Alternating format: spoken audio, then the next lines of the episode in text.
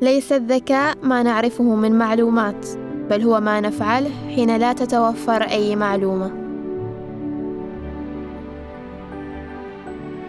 أنا ديمة فتاة في الثالثة عشرة من عمري وهذا بودكاست غيمة. أهلا بكم.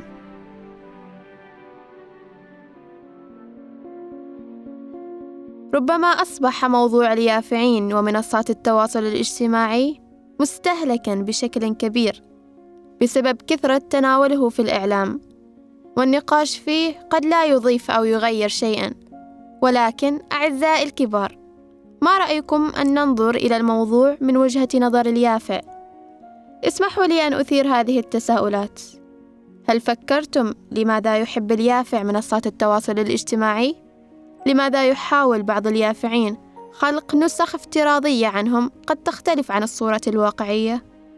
لماذا يجد اليافع حرية في التصرف في المنصات أكثر من الواقع؟ قد لا يجد البعض سوى إجابات معلبة جاهزة تعودنا سماعها عن فقدان اليافع الثقة بنفسه وضعف التقدير الذاتي أو التقليد الأعمى وهي ليست سوى محاولة لرمي الكرة في ملعب اليافع والتهرب من المسؤولية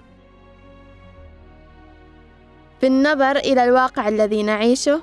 نجد أن منصات التواصل الاجتماعي أصبحت تستقطب الناس من جميع الفئات العمرية وهي ليست سلبية دائما كما يشاع فقد تكون مفيدة وأرضا خصبة للإبداع والتعلم إذا أحسن استخدامها. فضلا عن كون بعضها مصدر دخل كبير.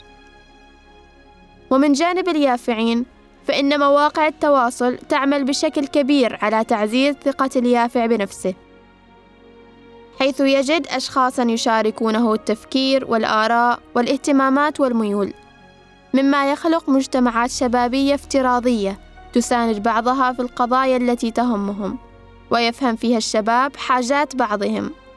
وهذا ما قد يلاحظه الجميع اليوم من القضايا التي تثار في مختلف المجتمعات مثل قضايا التعنيف الأسري أو التنمر وتجد لها صدى واسع من جميع الشباب في منصات التواصل الاجتماعي.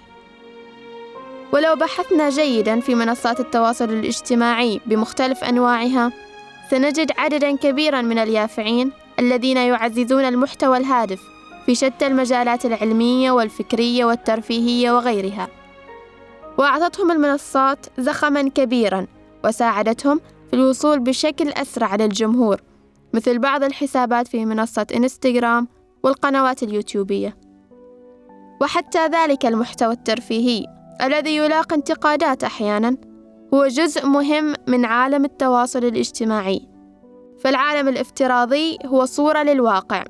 لا يمكن للإنسان أن يتصنع فيه المثالية الزائفة فضلا عن أن الترفيه مكون أساسي من شخصية أي فرد. أصدقائي اليافعين آن الأوان أن نستلم القيادة. ونثبت للجميع أننا لسنا أقل شأنا من الكبار في استغلال منصات التواصل الاجتماعي. فالمسألة هنا ليست مسألة عمر وإنما مسألة وعي.